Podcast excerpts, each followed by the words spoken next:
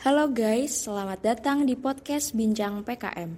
Podcast ini akan mengupas tuntas bidang-bidang PKM biar teman-teman gak bingung lagi nih buat milih bidang yang mau diikutin di PKM yang akan datang. Selamat mendengarkan. Halo semua, selamat datang di podcast Bincang PKM. Gimana nih kabar kalian? Semoga tetap semangat kuliah dan tugasnya ya. Kenalin nama aku Valen. Di sini kita akan berbincang tentang bidang PKM Karsa Cipta sini aku sudah bersama dengan pembicara yang tahu banget nih tentang PKM Kasa Cipta. Namanya adalah Mas Wahyu yang pernah lolos pendanaan PKM 2021 dan saat ini sedang berkuliah di Universitas Gajah Mada, jurusan Teknik Fisika. Halo Mas Wahyu, gimana kabarnya? Halo Mas, selamat pagi. Eh, Alhamdulillah sehat. Alhamdulillah sehat. Lagi sibuk apa nih Mas akhir-akhir ini? Ya akhir-akhir ini lagi sibuk kuliah. Selain itu juga eh, melanjutkan proyek yang sempat di ajukan ke PKM bersama Smart Agriculture-nya UGM. Oh, berarti sudah melanjutkan proyek ya? Iya. Nah sebelum kita bahas yang lain nih, Mas Wahyu kan udah punya pengalaman bidang PKM Karsa Cipta. Mungkin Mas Wahyu bisa jelasin nih, PKM Karsa Cipta itu sebenarnya apa sih? Ya, kalau kita berbicara tentang PKM itu sendiri kan eh, program kreativitas mahasiswa yang diadakan oleh eh, Kemendikbud Ristek Diti. Di situ ada beberapa bidang, salah satunya itu bidang Karsa Cipta. Jadi eh, PKM Karsa Cipta ini sebuah bidang PKM yang nantinya harapannya dari para peserta PKM KC ini bisa menghasilkan suatu sistem, suatu program ataupun suatu aplikasi serta suatu prototipe yang dia itu bekerja secara konstruktif yang nantinya sebuah program yang dibuat itu bisa bermanfaat eh, bagi para masyarakat bagi, bagi para pengguna. Tetapi bedanya PKMKC dengan PKM penerapan IPTEK dan penerapan pengabdian masyarakat ini, kalau PKMKC ini harapannya nanti sebuah produknya itu bisa dimanfaatkan oleh para peserta yang mengajukan PKMPI dan PKMPM. Jadi bisa diterapkan dan bisa diabdikan kepada masyarakat. Mungkin secara umum seperti itu. Jadi PKM Karsa Cipta ini menciptakan produk yang kemungkinan diaplikasikan ke masyarakat gitu ya? Iya. Oke. Ada alasan khusus nggak sih mas kenapa pilih PKM KC? Kenapa nggak bidang PKM yang lain? Dan apa motivasi Mas Wahyu pilih PKM KC? Nah, kalau untuk saya sendiri bersama tim itu memilih bidang PKM KC karena uh, kita tahu dari Indonesia itu sebenarnya potensi dan uh, keanekaragaman sumber dayanya itu kan sangat luas mas, sangat tinggi. Tetapi kita sadar bahwa Indonesia itu masih belum menerapkan beberapa teknologi terhadap setiap bidang yang memiliki potensi luas. Sehingga ketika teknologi itu tidak bisa diterapkan atau belum diterapkan pada suatu bidang yang berpotensi nantinya dari setiap bidang itu tidak bisa memberikan manfaat yang lebih mas bagi para masyarakat serta bagi, pemerintah Indonesia sendiri oleh karena itu eh, kami bersama tim itu memilih bidang PKMKC harapannya kita bisa menerapkan sebuah teknologi. Salah satunya kalau dari tim kami itu menerapkan teknologi di dalam bidang pertanian. Karena kita sadar Indonesia itu negara agraris, tapi kenapa sampai saat ini Indonesia itu masih e, menerapkan sistem impor yang tinggi. Padahal kalau kita bisa menerapkan sebuah teknologi, memanfaatkan sumber daya yang ada, kita akan menjadi negara yang maju di sektor agraris. Oleh karena itu, itu menjadi motivasi tim kami supaya Indonesia itu bisa menerapkan sebuah teknologi tepat guna yang nantinya bisa mendukung uh, sustainable agriculture di Indonesia. Seperti itu, Mas. Indonesia ini punya potensi besar sekali ya untuk yeah. teknologi ini. Nah, buat cari topik proposal itu gimana sih, Mas? Ada cara tertentu nggak? Atau hal-hal apa saja yang Mas lakukan untuk menemukan latar belakang proposal? Untuk kita membuat suatu ide, suatu program di bidang PKMKC itu sebenarnya kita bisa berjalan atau bergerak dari lingkungan sekitar kita sendiri mas kalau tim kami itu kita bergerak dari lingkungan petani yang pemberian pupuknya itu masih istilahnya itu uh, pakai insting gitu mas. Sing penting mantep gitu kan kalau pertanyaan sekarang. Nah itu bisa menjadi latar belakang apakah dari sebuah insting tersebut eh, terjadi pemborosan yang sangat tinggi atau pemborosan pemberian pupuk yang rendah. Itu perlu diteliti lah diteliti lagi. Sehingga itu menjadi latar belakang dari tim kami untuk memunculkan teknologi supaya pemberian pupuk itu bisa efisien dan efektif. Serta hasilnya itu tetap meningkat dan tetap memberikan hasil yang maksimal. Jadi kalau untuk teman-teman jika ingin mencari ide atau memaparkan sebuah ide ke dalam bidang PKM itu bisa bergerak dari kehidupan lingkungan teman-teman sendiri. Karena PKM sendiri kan harapannya bisa memberikan manfaat bagi para masyarakat di lingkungan sekitar. Untuk judul proposal Mas Wahyu ini kan kalau nggak salah ya peningkatan efisiensi produktivitas padi berlandaskan pertanian presisi dengan tabur 21. Yeah. info nih teman-teman, tabur 21 itu adalah nama alat sensor pendeteksi kadar NPK, pH dan kelembapan tanah pertanian yang dikembangkan oleh Mas Wahyu dan timnya. Nah itu gimana sih kok Mas kok bisa kepikiran buat ambil topik ini? Nah kalau untuk kepikiran itu ya dulu dari kakek saya sendiri kan seorang petani. Tapi saya ketika melihat di lapangan atau terjun ke lapangan itu melihat kakek saya itu dalam memberikan pupuk itu masih seenaknya, masih pakai feeling. Iya, pakai feeling, pakai insting gitu kan. Jadi saya merasa bahwa ini itu sebuah pemborosan. Karena kan kalau tanaman itu diberikan pupuk yang kurang itu juga nanti kadar-kadar uh, unsur haranya untuk menopang perkembangan dan pertumbuhan itu kan uh, kurang, Mas. Begitu juga dengan sebaliknya, kalau kelebihan itu kan juga tidak baik. Itu akan menimbulkan hal-hal atau akan berefek pada tanaman, tanaman padi itu sendiri. Oleh karena itu kita e, kepikiran untuk menciptakan sebuah sensor yang itu bisa mendeteksi gimana sih kandungan unsur hara, terus faktor kelembapan dan kandungan pH atau tingkat keasaman dari sebuah tanah tanaman padi itu e, dengan menggunakan sensor. Jadi kalau kita tahu di Jepang itu kan teknologi sensor pertanian sangat maju. Tapi di Indonesia itu belum ada sama sekali yang bisa diterapkan. Oleh karena itu, tim kami berusaha membuat suatu alat, suatu prototip yang bernama Tabur 21 yang tujuannya itu untuk mendeteksi kandungan unsur hara, kelembapan dan pH sehingga para petani itu bisa memberikan perlakuan yang tepat Mas pada tanaman padinya. karena kita ini kan mahasiswa pertanian ya Mas. Yeah. Kira ada saran nggak mas nih topik seputar pertanian yang bisa diangkat buat jadi proposal atau mungkin topik yang lagi hangat nih tentang pertanian yang bisa kita gali lagi lebih dalam. Ya mungkin uh, setelah saya bersama tim riset itu kemarin sebenarnya ada beberapa sektor yang dari Bapak Presiden itu mandatkan kepada para mahasiswa. Jadi kalau Mas tahu kan yang muda jadi petani. Iya. Nah, jadi sebenarnya dari kata tersebut kita bisa memperoleh banyak ide mas.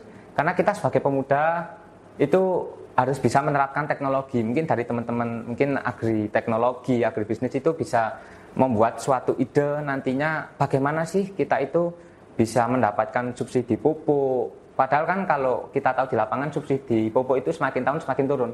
Nah itu gimana supaya petani itu tetap mendapatkan subsidi? Entah itu nanti dari teman-teman pertanian itu bisa membuat inovasi pupuk dari mungkin limbah jagung itu kan juga bisa diproses menjadi pupuk tambahan sebagai pupuk organik. Terus mungkin dari kotoran itu bisa di hybrid dengan pupuk e, kimia seperti urea. Nanti kan kandungan N-nya itu bisa ditingkatkan seberapa persen.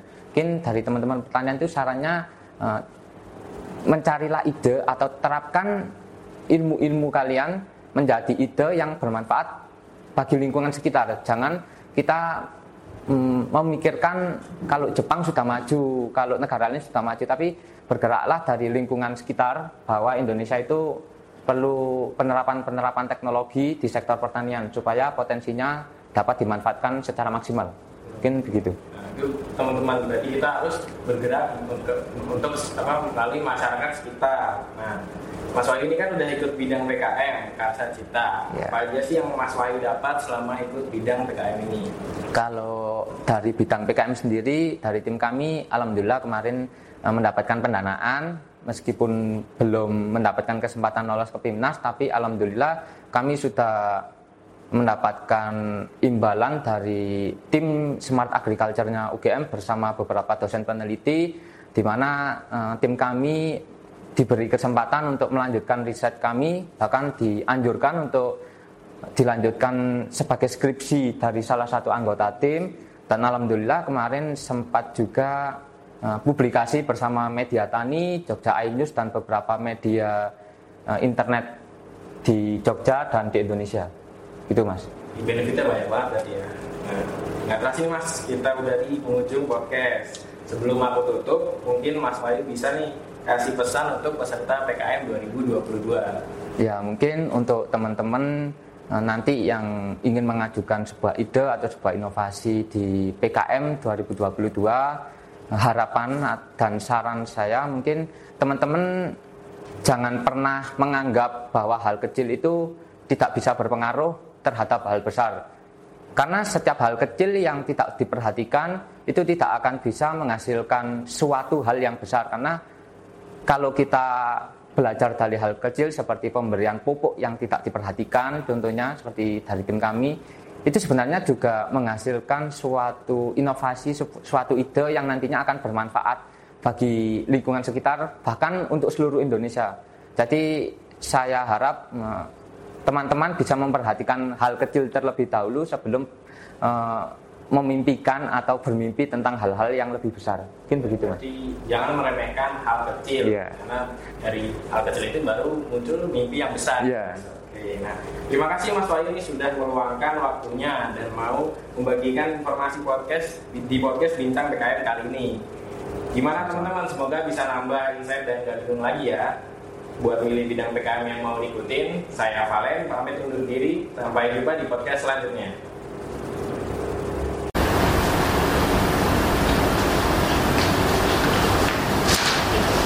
Oke, halo teman-teman semua. Apa kabar nih hari ini? Berjumpa lagi bersama kita di podcast Bincang PKM 2021. Sebelumnya, perkenalkan nama saya Disrita Sitohang eh, dari Prodi Agribisnis 2019 dan kali ini akan menjadi moderator pada podcast kita pada hari ini.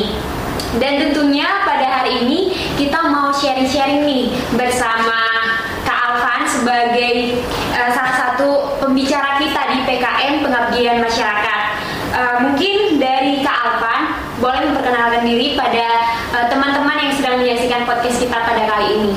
Ya, uh, baik terima kasih. Uh, perkenalkan nama saya Alvan Abdul Razak. Saya dari uh, manajemen 2019 Alhamdulillah di tahun ini uh, saya dan tim bisa berkesempatan lulus pendanaan di, uh, di PKM bidang pengabdian masyarakat. Terima kasih. Oh iya, berarti uh, udah lulus pendanaan meskipun sama-sama ya kak, belum bisa berkesempatan untuk masuk ke Punas.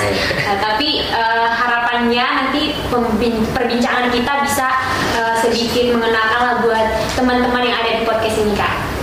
Uh, sebelumnya uh, kakak sehat kak? Alhamdulillah. Sehat. Saya juga sehat. Oke teman-teman, uh, uh, sebelum kita masuk lebih dalam lagi tentang PKN pengabdian masyarakat, uh, saya mau ke Alvan nih menjelaskan sebenarnya PKN pengabdian masyarakat itu dan apa-apa aja yang ada di dalam PKN pengabdian masyarakat.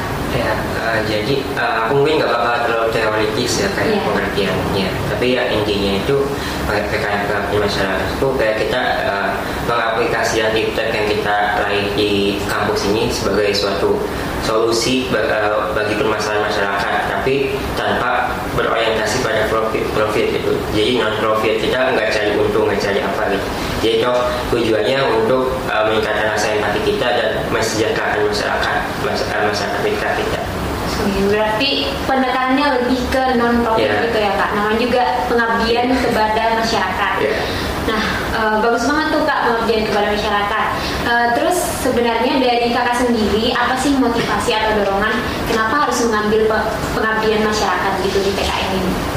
Yang pertama sih karena uh, kalau dilihat dari persyaratannya kan kita tidak terbatas harus prodi apa kan, jadi kita bisa ngaku dari fakultas lain gitu dan terlebih di PKMP ini uh, saya pribadi kayak bisa menumbuhkan rasa empati dan peka terhadap uh, permasalahan yang ada di masyarakat khususnya waktu itu masyarakat mitranya uh, di sekitar saya sendiri gitu. Jadi ya itu kan salah satu menjalankan kerjaan perguruan perguruan tinggi kita juga kan gitu. Jadi ya ya dengan PKMPM ya saya bisa kayak lebih buka aja sih terhadap permasalahan di masyarakat gitu. Oh kalau boleh tahu dari kelompoknya kakak dulu itu dari jurusan apa aja kak? Sebenarnya uh, kalau jurusan sendiri sebenarnya uh, kami waktu itu uh, satu jurusan semua karena mengapa? Uh, kalau kalau saya prinsip saya membangun tim ya yang penting uh, saya ingin timnya itu yang orang benar-benar saya tahu karakternya gitu gimana percuma saya dari fakultas lain atau dari prodi lain tapi saya nggak kenal gitu kan jadi uh, takutnya apa dijalin gitu kan jadi nggak sinkron aja gitu sih tapi ada hal nih kak yang menarik dan aku juga sempat penasaran kan. Uh, kakak kan tadi dari satu jurusan, yeah. berarti manajemen ya kak. Tapi topiknya ini nih yang bikin beda yeah. dan itu dari kita ya pertanyaan yeah. gitu ya kak. Mungkin dari teman-teman yang sedang menyaksikan podcast ini juga kayak merasa wah ini tuh sangat uh, benar-benar relate banget yeah. sama pertanyaan gitu kan kak. Kemarin judulnya yang kampung hidroponik yeah. gitu ya kak uh, kok bisa sih kak ambil dari pertanian gitu? Sebenarnya uh, awal mulanya karena kan uh, PKPM ini awal mulanya fenomena dari masalah masalah masyarakat. Nah, iya. masalah kita lakukan observasi kayak wawancara langsung gitu mereka lebih kayak mereka itu ingin produktif, ingin lebih bertani, tapi uh, mereka nggak punya lahan karena secara geografis mereka wilayah perkotaan.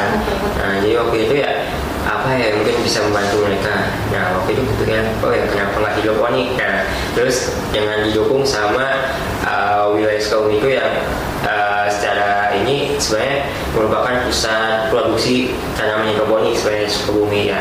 Dengan kondisi yang ada kenapa ya? Nggak hidroponik aja kan? Lebih hidroponik bukan suatu hal yang harus misalnya kita harus dari prodi pertanian gitu kan? Dari, dari fokus pertanian. Karena udah umum lah gitu kan? Siapa pun uh, bisa menjalankan hidroponik gitu. Iya benar juga. Berarti dalam pencarian topiknya kakak itu yang pertama kita harus peka terhadap iya. permasalahan yeah. yang ada masyarakat gitu ya kak.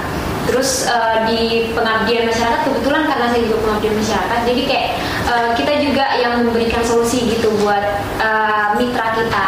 Kalau boleh tahu kemarin kan mitranya apa? Siapa kak? ibu-ibu, uh, ibu-ibu dan pemuda desa. Oh berarti ya. ikut pemuda melibatkan pemuda. Iya. Berarti uh, untuk topiknya benar-benar uh, dari masyarakatnya yeah. gitu kan kak, bukan kita yang cari. Yeah. Karena membedakannya dari PKM lain gitu. Yeah. Jadi bukan kita punya program terus kita bilang ke masyarakat, tapi kita cari tahu masalahnya baru kita menawarkan, menawarkan solusinya gitu.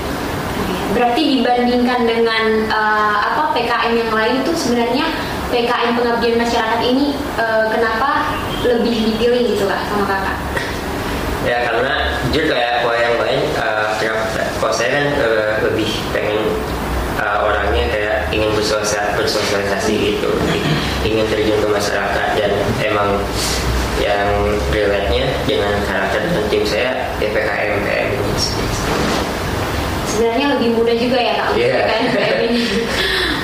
Oh, jadi uh, saya sebagai mahasiswa pertanian nih kak yeah. dan teman-teman yang ada di podcast mungkin uh, sebenarnya kalau misalnya topik di pertanian itu kan luas ya kak yeah. cakupannya.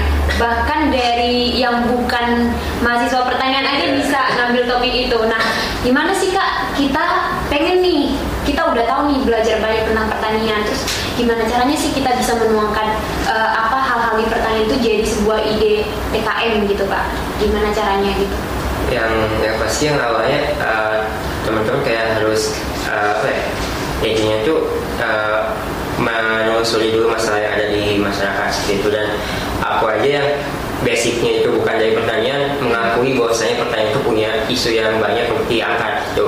Dan dengan adanya perkembangan teknologi atau zaman pun nggak nggak bakal membuat pertanian itu kayak mati gitu. Karena ya ibaratnya selama manusia ada kan pertanian masih bakal, bakal ada gitu kan nggak mungkin nggak ada jadi misal misal teman-teman bisa cari dari permasalahan yang ada di sekitar kayak uh, misal ada permasalahan tentang uh, apa ya tentang produktivitas uh, hasil panen yang kurang teman-teman bisa menggunakan teknologi yang teman-teman pelajari gitu di fakultas kayak menggunakan pupuk organik dan lain sebagainya. Terus mungkin yang sekarang lagi ini mungkin yang aku lihat kayak uh, bagi sebagian, sebagian orang uh, mungkin uh, kayak bilang ngapain ngapain sih pertanian mau jadi tani kan mau jadi tani atau apa gitu kan. Mungkin maksudnya bagian bagi sebagian orang kayak perspektif mereka kayak kurang gitu kan. Ya, kurang, ya, kurang lah gitu masih masih di situ-situ doang ya. mungkin teman teman-teman bisa kayak cari ide kayak membangun sekolah pertanian kayak untuk meningkatkan kualitas apa ya, pengetahuan orang-orang tentang pertanian jadi pertanian pertanian itu nggak harus melulu tentang jadi tani lah kayak gitu sebagainya jadi, jadi banyak banget sih banyak isu yang uh, yang bisa teman-teman angkat jadi ini aku aja yang bukan basic sangat tertarik apalagi teman-teman yang emang expert di bidangnya gitu harusnya ya punya bahan bahan yang benar-benar bisa teman-teman angkat sih. Wah keren banget sih ini kak Alvanya. E, berarti itu lebih ke mindset kita gitu yeah. ya kak. Pertanian itu kan luas. Gimana caranya kita membuat suatu topik atau mengusulkan suatu topik yang benar-benar itu bermanfaat, apalagi di PKM pengabdian masyarakat gitu ya kak. Berarti itu suatu kelebihan ya Kak di PKN Pengabdian Masyarakat selain tadi Kak Alvan udah jelaskan e, bisa bersosialisasi, terus bisa e, membangun hubungan dengan masyarakat, juga menawarkan problem solving kepada masyarakat atas permasalahan yang ada. Terus e, P, apa PKN Pengabdian Masyarakat juga mencakup banyak jurusan gitu kan Kak. Banyaknya cakupannya itu lebih luas gitu. Yeah uh, kita bisa masukkan apa ya kak tadi teknologi ya, terus terus kayak gimana mungkin bisa ya. kita mengatur orang gitu juga sih. Ya. Jadi uh, mungkin itu kelebihannya, kelebihan dari PKN pengabdian masyarakat ini. Jadi intinya sih buat teman-teman, uh, saya sendiri sih karena udah pernah PKN pengabdian masyarakat, tapi memang nggak di bidang pertanian. Cuman memang seru sih pengabdian masyarakat karena tadi yang udah dijelaskan sama Kak Afan benar-benar punya kelebihan tersendiri. Jadi teman-teman yang tertarik nih mulai tertarik nih mendengar sharing dari Kak Afan terus tertarik uh, boleh banget uh, mungkin bisa menanyakan atau sharing dengan kakak secara langsung atau melalui Instagramnya Kak Alvan tadi tadi Instagramnya uh, Instagramnya Alvan Alvan ya boleh lah di follow tadi saya juga baru follow soalnya terus uh, tapi intinya teman-teman uh, bolehlah uh, mencoba mencoba tak mengapa kan karena kita coba makanya kita punya hasil kayak gitu mungkin dari Kak Alvan ada pesan nih atau dorongan buat teman-teman yang ada di podcast gimana sih supaya bisa uh, intinya mencoba terus kalau boleh ya lolos pendanaan yeah. bakal lolos binas kayak gitu di PKN pengabdian masyarakat ya aku sih uh, buat teman-teman khususnya pejuang PKM 2022 dan khususnya lagi uh, mahasiswa